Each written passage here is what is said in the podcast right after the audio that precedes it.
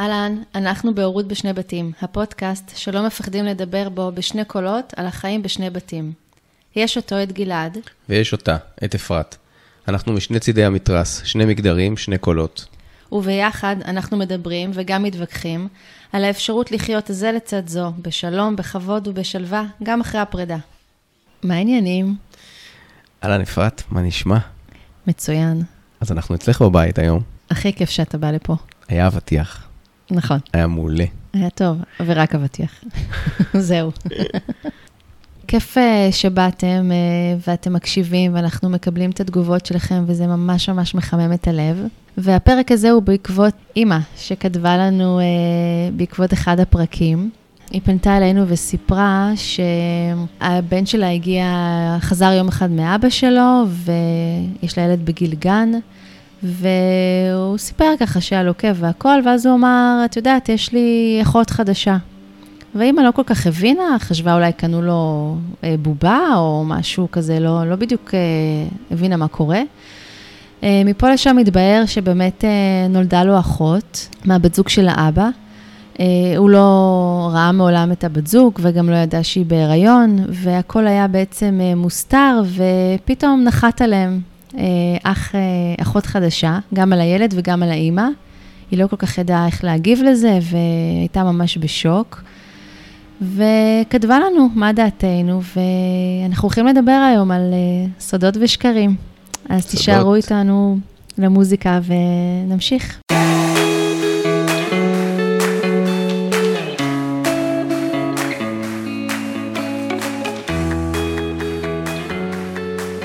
כן, אנחנו נדבר היום על, אה, על אה, הסתרות, שקרים, סודות, אפשר לעטוף את זה בכל מיני מילים, אבל הסיפור שעכשיו סיפרת הוא, הוא, אה, הוא מאוד קיצוני. מאוד. זה מיליון שאלות לשאול כדי להבין, אה, להבין קצת יותר, אבל אנחנו רגע, נשים אותו רגע בצד בגלל היותו כל כך קיצוני, ואולי נתחיל לדבר על, על הסתרות של, ניקח משהו קל יותר, אולי בני או בנות זוג. לגמרי. אה, אני חושבת שבכלל, כל העניין של הסתרות וסודות זה משהו שהוא מאוד אה, קיים בכל משפחה, לא משנה איזה משפחה. זה משהו שהוא קיים. פעם היה לא להוציא את הכביסה המלוכלכת, לא לספר, אה, אז גם במשפחות רגילות ובטח אה, גרושים גרושות. אבל היום אנחנו ככה רוצים להתמקד יותר בהסתרות של, של הורים אחד כלפי השני. הסתרות של מידע רפואי, הסתרות של אה, מידע בכלל על הילדים, אה, אחד כלפי השני, מה זה עושה, מה זה גורם. זה נושא שהוא חשוב. אני, אני רגע אחזור, אה, את חושבת שנגיד, האם בכלל אחד ההורים צריך לספר להורה השני אחרי שהם התגרשו, על נגיד בן או בת זוג חדש, חדשה? אני חושבת שבשלב מסוים כן. זאת אומרת, לא הייתי מצפה מ... גם זה תלוי ברמת החברות. אה, אני מניחה שזוגות אה, שחיים בנפרד והם חברים, יספרו די מהר אחד לשני על הבן זוג שלהם. אבל כשהקשר והתקשורת הם מאוד אה, מינימליסטיים, או רק על הילדים, אז ברור שלא, לא יהיה פה, אני לא אספר לאבא של הילד שלי על כל דייט שלי ועל כל אה, בחור שאני יוצאת איתו. אבל כשהקשר הופך להיות מאוד מאוד משמעותי, או כשהבחור הזה, הגבר הזה, נכנס לחיים שלי ואנחנו הולכים לגור ביחד, וזה כבר הולך להשפיע על הילד שלי, ברגע שזה כבר הולך להיות משמעותי ולהשפיע על הילד שלי, אני חושבת שזה מאוד מכבד לספר. זה מאוד, אה, זה פותח, זה, זה בעצם אה, מאפשר לו ל... אני מספרת לו מי הולך להיות שותף וחלק מהחיים של הילד שלו. אני חושבת שזה מאוד מאוד ראוי. חובה? אין חובה, זה פשוט מכבד. אז אני, אני חושב ש... כמו שאמרת, שאלה, אחד, אחד הדברים החשובים זה מתי, ה... מתי זה מתחיל להשפיע על הילד המשותף. אה, אני חושב שזה, שזה דבר מאוד, מאוד מרכזי בהחלטה אם ומתי לשתף. אני, אני בטוח שלא צריך לשתף כל דייט, או כל מי שאנחנו נמצאים איתו, יוצאים איתו, מכירים, בוודאי שלא. אין, זה גם לא, לא בטוח שיש מוטיבציה בצד השני לשמוע את זה. אבל אני כן חושב גם שיש פה עוד אה, אלמנט שצריך לקחת אותו בחשבון, וזה השאלה, אז איך הצד השני יגלה? כי אם נניח יש בן או בת זוג חדשה והילד נחשף לזה, ולא סופ, לא סיפרנו לה, להורה השני, אז בעצם מי שישתף באיזשהו שלב זה הילד. ואני מרגיש שהילד לפחות אצלי בבית, הבת שלי היא לא כלי להעברת המידע, אוקיי? אני מעדיף אני להעביר את המידע מאשר זה שהיא תעביר את המידע, ואני גם מעדיף שכשהיא, כשאני אשתף אותה, אה, אני יכול תכף לספר, אבל, אבל היא כבר, אה, היא, כשהיא תשאל אותי, אה, אני יכולה להגיד לאמא? אני אגיד לה, לא, אמא יודעת, את יכולה, כאילו, בוודאי שאת יכולה לדבר על זה עם אמא, אבל אמא כבר יודעת.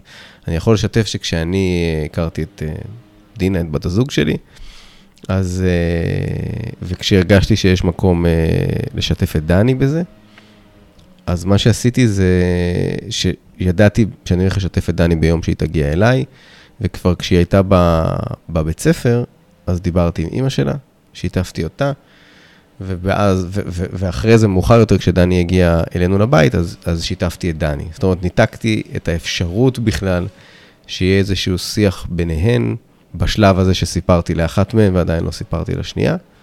ובאמת, באיזשהו שלב דני שאלה אותי, אני יכולה לספר לאמא? אמרתי לה, אמא כבר יודעת, זה בסדר גמור, את יכולה, את יכולה לדבר על אמא, זה, עם אמא זה, זה, זה נכון כשהכרתי, זה נכון לא דיברנו, כש, כשדינה נכנסה להיריון.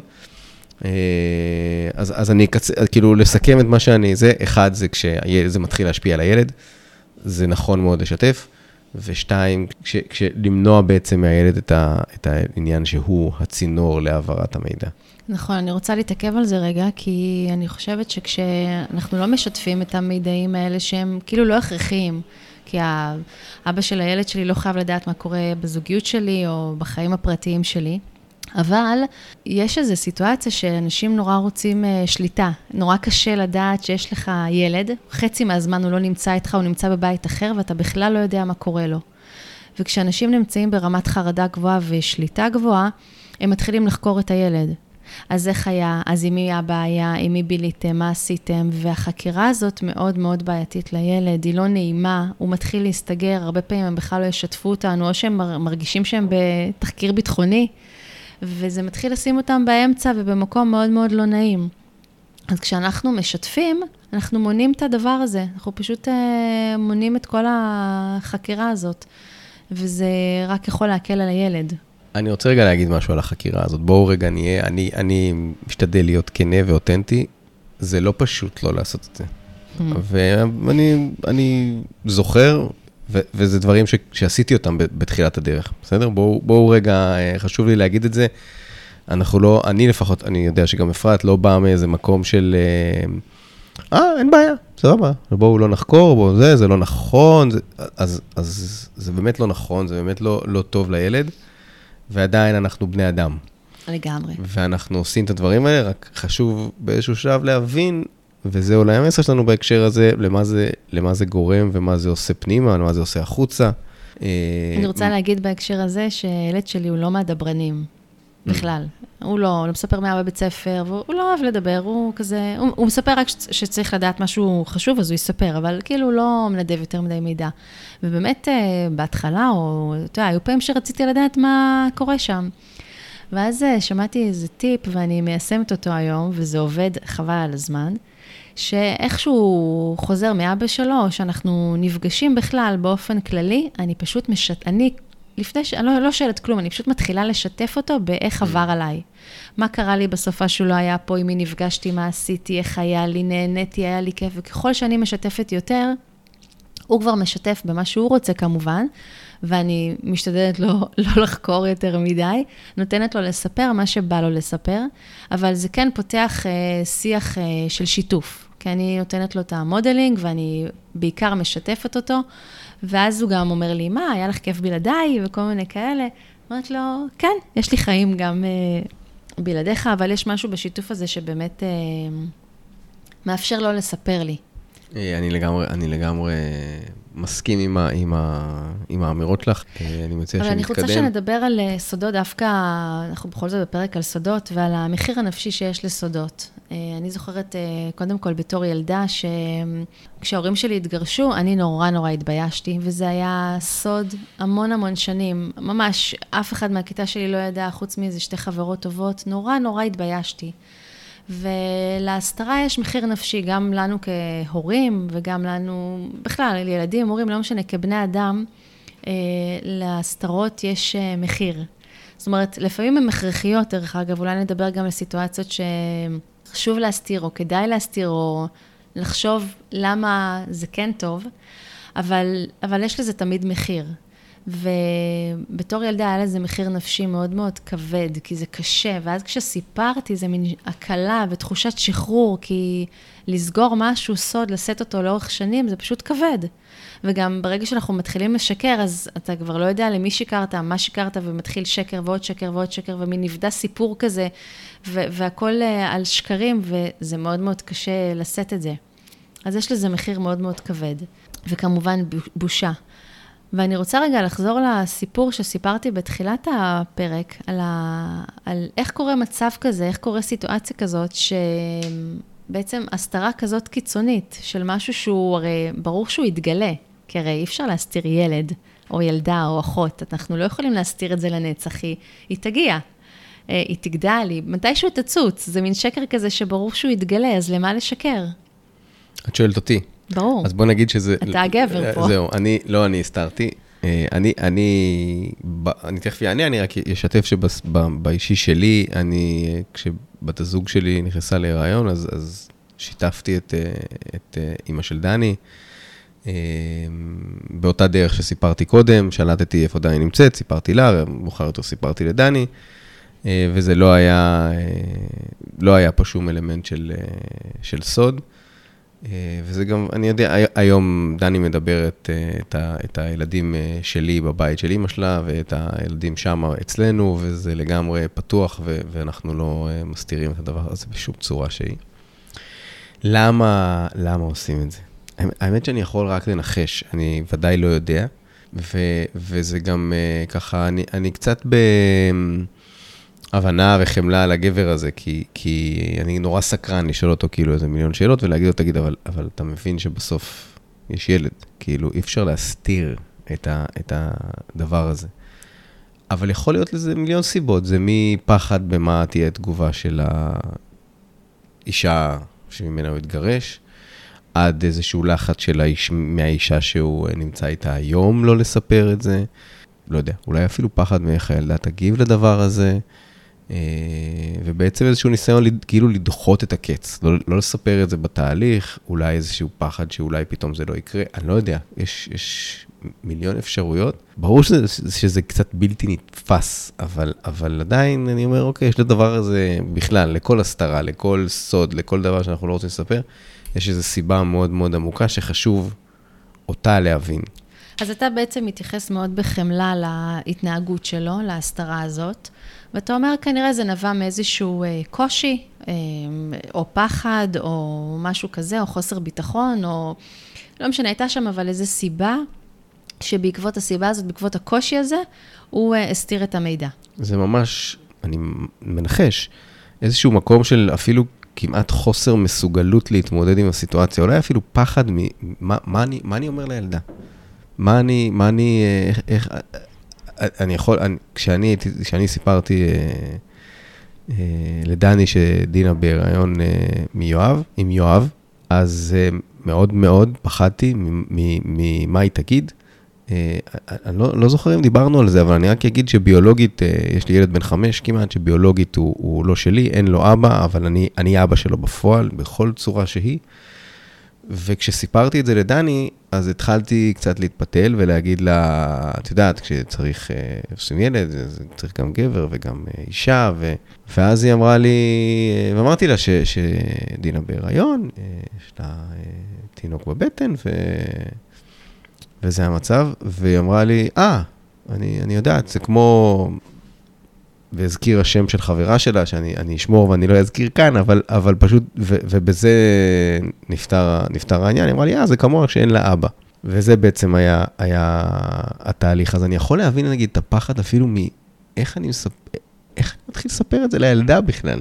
נכון, אבל אתה מתאר פה התגברות על הפחד, ואנחנו בעצם מדברים על מישהו שלא התגבר. כי אתה אומר, התפתלתי, היה לי קשה, אבל אני בסוף הצלחתי להתגבר על זה, משהו בתוכי הבין שזה חשוב לספר לה, הצלחת להתגבר על הפחד הזה, ובסוף הבאת אותו. עם הפחד, הבאת לה את המידע ואת הסיפור, ובעצם טיווחת לה את הסיטואציה שהולכת לקרות. ואני כזה שואלת, מה קורה בעצם כשסיטואציה כזאת קורית, שאנחנו מסתירים מידע מההורה השני? מה קורה לקשר שלי עם ההורה השני, ומה קורה לקשר שלי עם הילד שלי, אוקיי? כשאני בעצם, כשהילד שלי מגלה שהנחתתי עליו מידע כזה, מה זה אומר על הקשר שלנו, או מה זה אומר על הקשר שלי עם, ה... עם האימא של הילד שלי. את שואלת, ש... את שואלת על הצד שמסתיר עכשיו. מה זה אומר אם אני הסתרתי... שהסתירו ממנו, כן, אם, על אם הקשר. אם אני ההורה שמסתיר, אבל מול הילד את מדברת עכשיו. וגם מול האישה, מול האימא. כי הרי אני... זה משפיע על הקשר. שנייה, ההסתרות האלה בסופו של דבר משפיעות על הקשר. בוודאי. אני, אני לא חושב, אני רק אסביר שהחמלה שלי או ההבנה שלי, לא משנה כרגע אם זה הגבר שלא סיפר על, אה, על אח שבדרך, או, או כל דבר, או אישה שלא סיפרה על משהו אחר, זה לא משנה. זה בוודאי, בוודאי, בוודאי משפיע על הקשר, אה, וככל שההסתרה היא משמעותית יותר, אז, אז אה, ההשפעה היא, היא פחות טובה, זה, זה, זה מלא לסמוך בעתיד. אה, או מי לא לסמוך באופן זמני עד לא לסמוך באופן הרבה יותר רחב מזה. אה, אז, אז זה שאני כאילו מביע איזושהי הבנה לצד המסתיר, זה לא מהמקום שאומר, אה, יופי, תסתירו, זה לא מגניב, זה לא טוב וזה לא נכון, אבל אה, אני, אני שואל את השאלה הנוספת כדי להבין למה. ואז אתה מגלה כל מיני דברים שאולי קצת מסבירים, לא בהכרח מצדיקים, אבל uh, מסבירים. לגמרי, יש, אני יכולה להבין שיש אמ, יש את הקושי, ויחד עם זאת, אמ, כשאני חושבת על ילד ועל האימא זה מאוד מאוד קשה לי. זאת אומרת, אני יכולה להחזיק את שניהם, גם את הקושי של האבא, אבל אה, אני מנסה לחשוב על החוויה של... ש... שאתה אמור לגדל ילד עם מישהו, שאתה יודע שהסתיר ממך דברים או מסתיר ממך דברים. נגיד, הוא מסתיר מידע רפואי על הילד ממני, לא משתף אותי במידע שקשור לילד, אוקיי? שזה קורה כל הזמן. אמ, אפילו בדבר מחלה, אה, יש הורים שלא יודעים שהילד שלהם חולה והוא שוכב בבית והם לא יודעים על זה בכלל, כי ההורה השני לא שיתף אותם בזה, ואז הם לא יכולים להתקשר או לתת לו אה, סתם, לדבר איתו, בדברים אפילו הכי קטנים. אה, זה יכול להיות כל דבר, שותפות, כל שותפות שקשורה לילד. ברגע שאין את השותפות הזאת ויש כל הזמן הסתרות, זה פוגע בקשר. Mm-hmm. זה איך אני יכולה לסמוך על הבן אדם הזה שאני מגדלת איתו את הילד, איך אני יכולה לסמוך עליו. איך אני יכולה לתת בו אמון ולשלוח לשם את הילד שלי, את הדבר הכי יקר לי בעולם, ולדעת שאני לא יודעת מה קורה שם. אף אחד לא משתף אותי, אף אחד לא לספר לי, כאילו זה נורא נורא קשה. וגם כלפי הילד, אני חושבת שכשילד מגלה שההורה שלו לא סיפר לו, או לא... במקרה הזה הילד קטן, אני לא חושבת שהוא הבין אפילו את כל הסיטואציה, אבל אם זה היה ילד טיפה יותר גדול, שמבין כבר שיש הריון, אז למה לא סיפרו לי על ההיריון? למה לא הייתי חלק? הרי אני חלק מהמשפחה הזאת, אז איך יכול להיות שאני לא חלק מהמשפחה של אבא שלי? זאת אומרת, איזה מסר אני מעבירה לו, לילד, כשאני מסתירה ממנו דבר כזה? אני, אין, אין לי ספק שזה מייצר משבר אמון בכל רמה שהיא, יש פה כמה מערכות יחסים ש, שמתנהלות. אמ, וזה משבר אמון שבטח במערכת מול הילד גם יכול, יכול להשפיע אה, עתידית בגיל אה, מאוחר יותר, על ספת הפסיכולוג אה, בגיל 20 ו- או 30 ו... ואני חושב שזה אפילו מייצר מצב שמשבר האמון הוא כזה, שההסתרות הן איזשהו כדור שלג ש... שמידרדר. זאת אומרת, עכשיו אני, בואו לא נלך על המקרה הקיצוני, אבל נגיד לא שיתפתי במצב רפואי. אבל לא דרמה, זה היה קצת חום.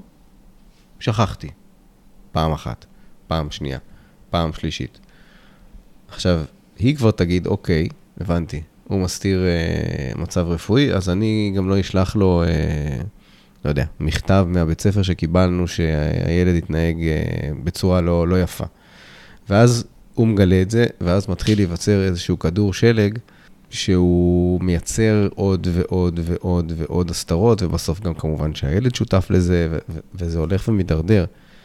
אני, כי אני, הדבר שעולה לי לראש בהקשר הזה זה, אוקיי, הייתה הסתרה ראשונה, דברו על זה רגע, ואם יש מישהו שצריך לקחת אחריות, וחלילה, אני אומר במרכאות כפולות ומכופלות אפילו, להתנצל, אז זה בסדר, ואז תעצרו את הדבר הזה. כי, כי, והלכנו על הדברים המאוד מאוד בסיסיים שקורים ביום-יום, לא על, על, הלכתי עכשיו, לא, לא על, באמת, כמו שדיברנו קודם, על מקרה מאוד קיצוני, אה, אני חושבת אז... שהסתרה של מידע רפואי מהורה זה מאוד מאוד חמור. אם הילד שלי במיוחד, אם הילד שלי יש לו איזשהו קושי, אני לא מדברת על סתם שפעת. אה, נגיד יש לו איזה קושי, אפילו לא משהו גדול, אה, יש לו איזה, אבל יש לו איזה בעיה שצריך לטפל בה, אוקיי? ובסופו של דבר, קבלת ההחלטות היא משותפת. אתה לא יכול לעשות ניתוח לילד בלי הסכמת שני ההורים, אתה לא יכול לטפל טיפול רגשי בילד בלי הסכמת שני ההורים, אתה לא יכול לעשות את הדברים האלה בלי הסכמת שני ההורים. אני מדברת על... כמובן פרידה רגילה, ההורים, לא איזה מקרה, מקרים קיצוניים, אנחנו חייבים בסופו של דבר את שני ההורים. אז אם אני הסתרתי את כל המידע הזה, איך אפשר לקבל החלטות ראויות? איך אני, זה לא לטובת הילד. זאת אומרת, אם אני חושבת על טובת הילד, אז הילד צריך את שני ההורים שלו, וגם בסיטואציה הרפואית הוא צריך ששניהם יתגייסו, יקבלו את ההחלטה הנכונה, ויהיו שותפים לזה. אחרת, איך אפשר לפעול? אז, אז חשוב לי רגע בנקודה הזאת לעשות איזה פאוזה קטנה, ולהגיד, תראו, יש מקרים את מדברת על מצב רפואי שהוא מגיע עד כדי זה שילד לא מקבל טיפול רפואי. נכון. אוקיי? ואני חושב שיש, אני, אני מגשר, אני בעד גישור, אני בעד שאנשים ידברו, אני בעד תקשורת מקרבת, הכל נכון, אבל אני גם עורך דין. לא כך עוסק בזה, אבל, אבל אני עדיין חושב שיש מקרים שבהם בית משפט הוא הפתרון.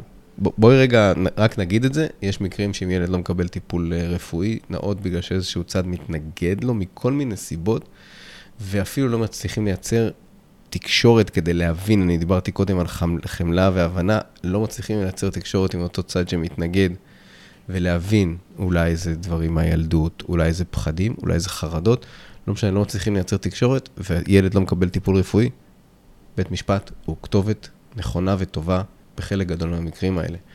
אמרתי את זה, בואו רגע אה, נחזור חזרה. אז כן, הסתרה של מצב, אני, כשדיברתי קודם, דיברתי על חום, על דברים כאלה, נכון. דברים כאלה של טיפול רפואי שילד צריך לקבל, וזה לא משותף עם הצד השני, זה, זה קטסטרופה בעיניי, אין לא, ספק. לא, אבל זה אפילו עוד הרבה לפני, זה לא רק סתם הסתרה, כי אה, אנשים, יש אה, אנשים שמסתירים בכוונה, זאת אומרת, כי ידע זה כוח. אם אני רוצה להחליט את כל ההחלטות, ואני רוצה להיות רק בשליטה על הילד שלי, ובקופת חולים יש גם איזושהי בעיה ש... אפשר להדיר את אחד ההורים נורא בקלות מהמידע.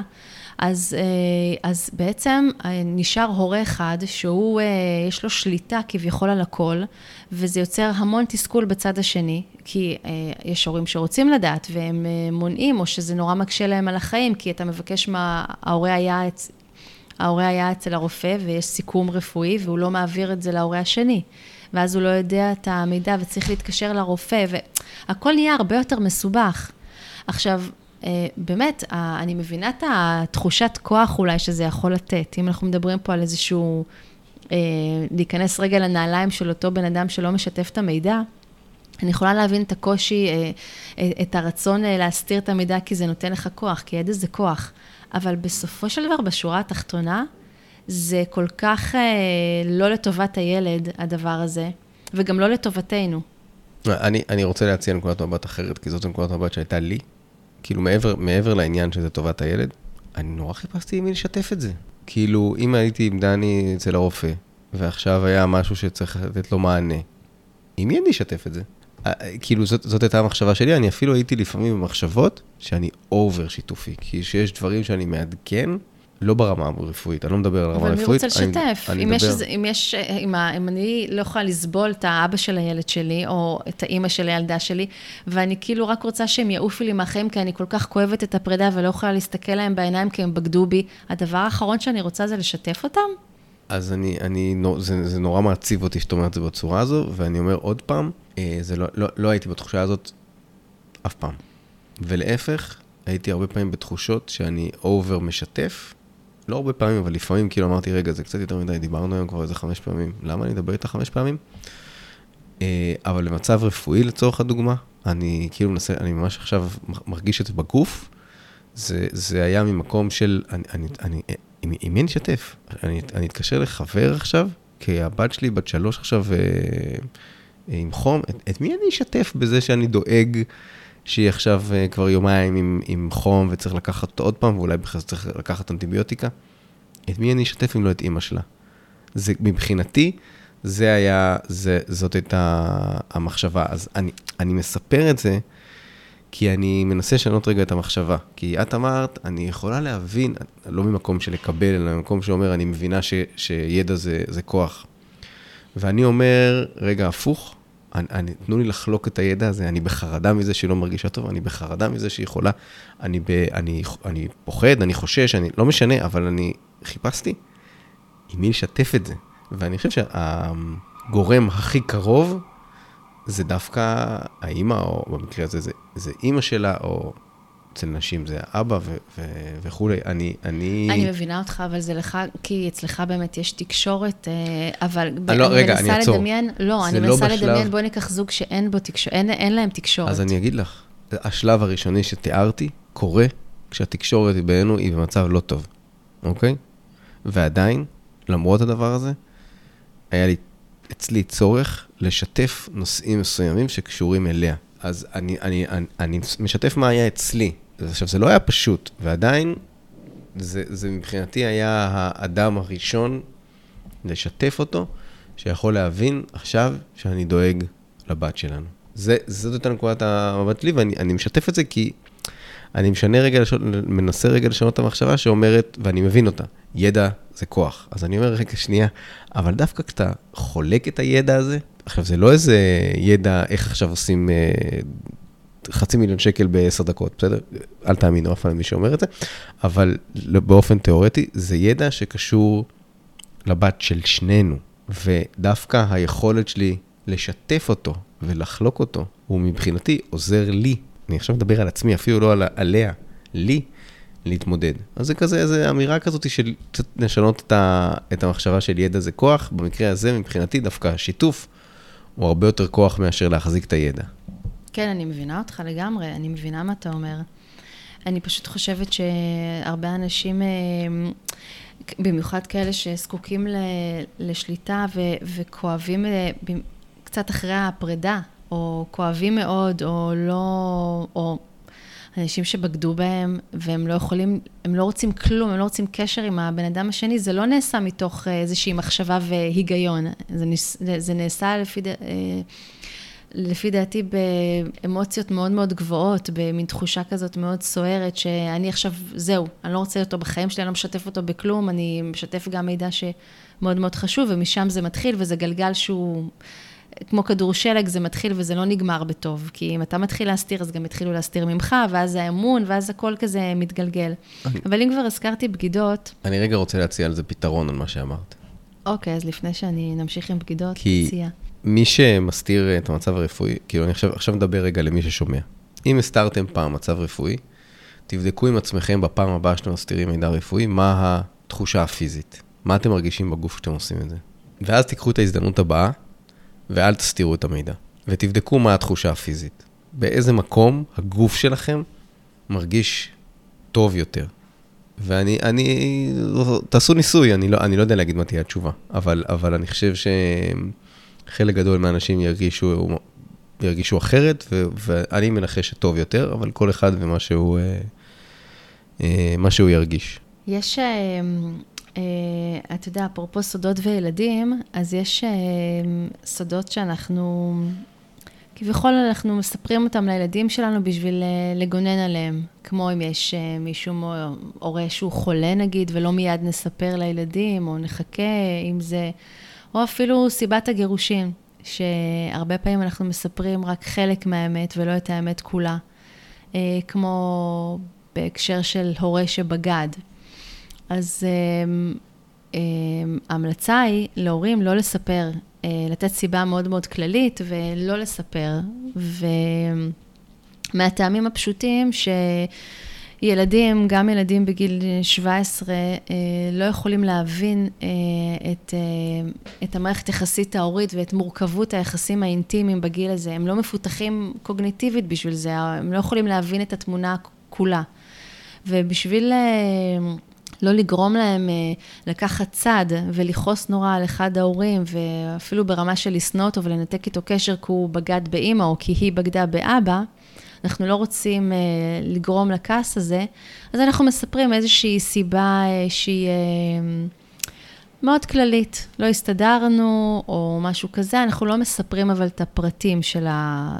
האינטימיים, אנחנו לא מערבים את הילדים אה, בפרטים האינטימיים, יש אה, זוגות שדווקא מרוב כעס רוצים לשתף את הילדים בפרטים האינטימיים, אבל זה לא מומלץ, כי זה באמת מערבב את הילדים באיזשהו שיח שאנחנו לא רוצים לערב אותם.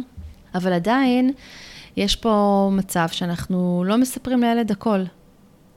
ויש מצב שכשהוא יגדל, הוא ישאל שאלות, הוא אולי יגלה באמת את האמת. זה לא בדיוק יגלה את האמת, הוא פשוט יגלה עוד פרטים על הפרידה שלנו.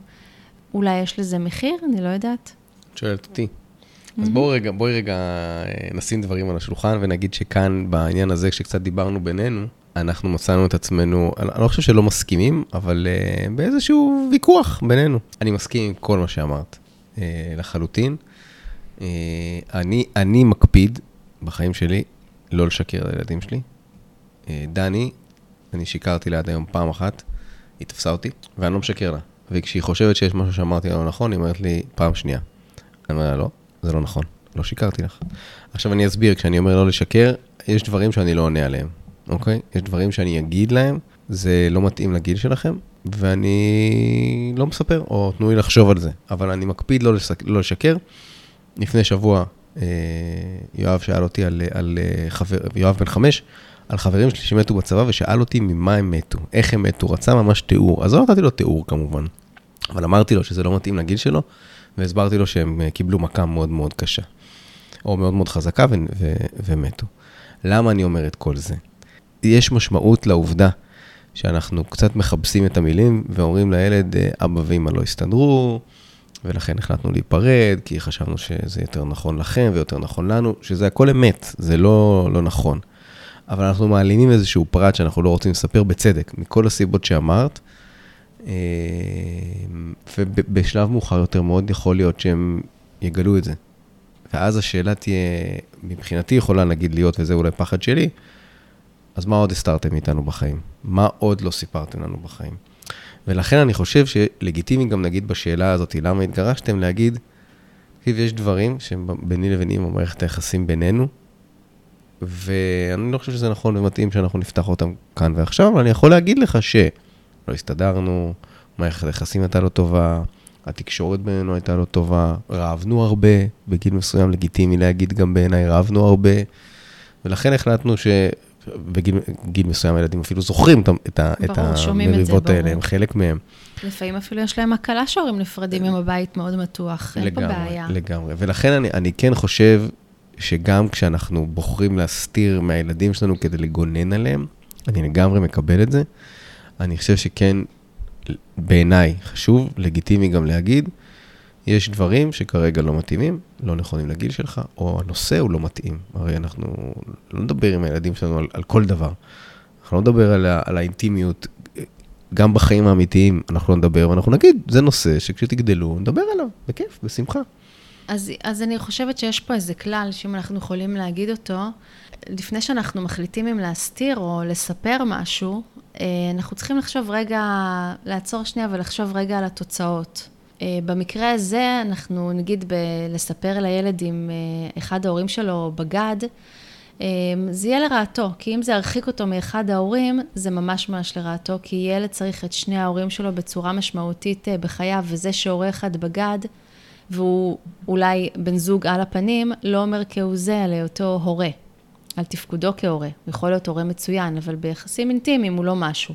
אמ, מהצד השני, אה, אם ניקח את הסיפור מההתחלה, אז זה שאני לא משתפת את הילד שלי במשהו כל כך עצום וחשוב בחיים שלו, שתיוולד לו אחות, ואני בעצם לוקחת ממנו את כל ההתרגשות וה, אה, והשותפות והשייכות, תחושת השייכות של ללוות את הבטן של האימא עד שהילד נולד, והתרגשות שהוא יוצא מבית החולים, ולקנות לו מתנה, ואני פשוט מנחיתה עליו.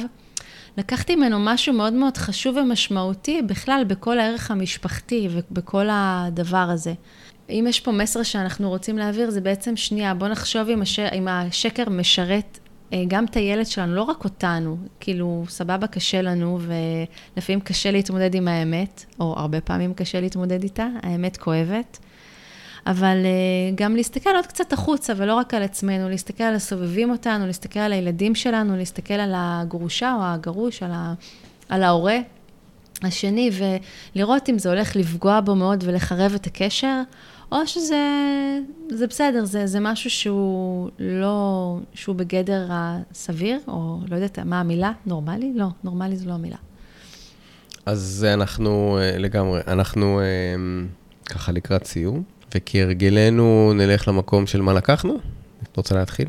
אה, אני לקחתי מפה, באמת שאני עדיין חושבת ואני מאמינה היום, שלמרות הקושי, אני מאוד מאוד בעד האמת. אני חושבת שזה שווה הכל, ובמיוחד את השקט הנפשי, וזה הרבה יותר פשוט מהשקר, בעיניי. מחיים ש... של שקרים. איך? הרבה יותר פשוט מחיים של שקרים. לגמרי. אני לא כל כך הזכרנו את זה, אבל בסוף אה, שקר, אנחנו שקר, או נלך לשקר, אני חושב ששקר זה כזה, הפכנו את הסתרה לשקר. לא יודע, משהו שמצלצל לי קצת קשה, אבל אנחנו בסוף שומרים את זה בבטן. וזה עושה דברים לא טובים לבטן. לגמרי חושב ש, שהאמת היא, היא בסוף, אה, בסוף היא כנראה פתרון טוב.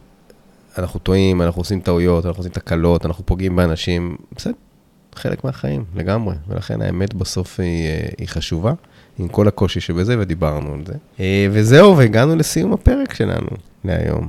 אז האמת שהיה ממש כיף. ואתם מוזמנים, אה, ממש ממש נשמח אם תשתפו את הפודקאסט והוא יגיע לעוד ועוד uh, הורים, ואתם מוזמנים להגיב ולכתוב לנו, זה נורא נורא כיף לקבל תגובות. וזהו, וניפגש בפרק הבא. ביי, להתראות.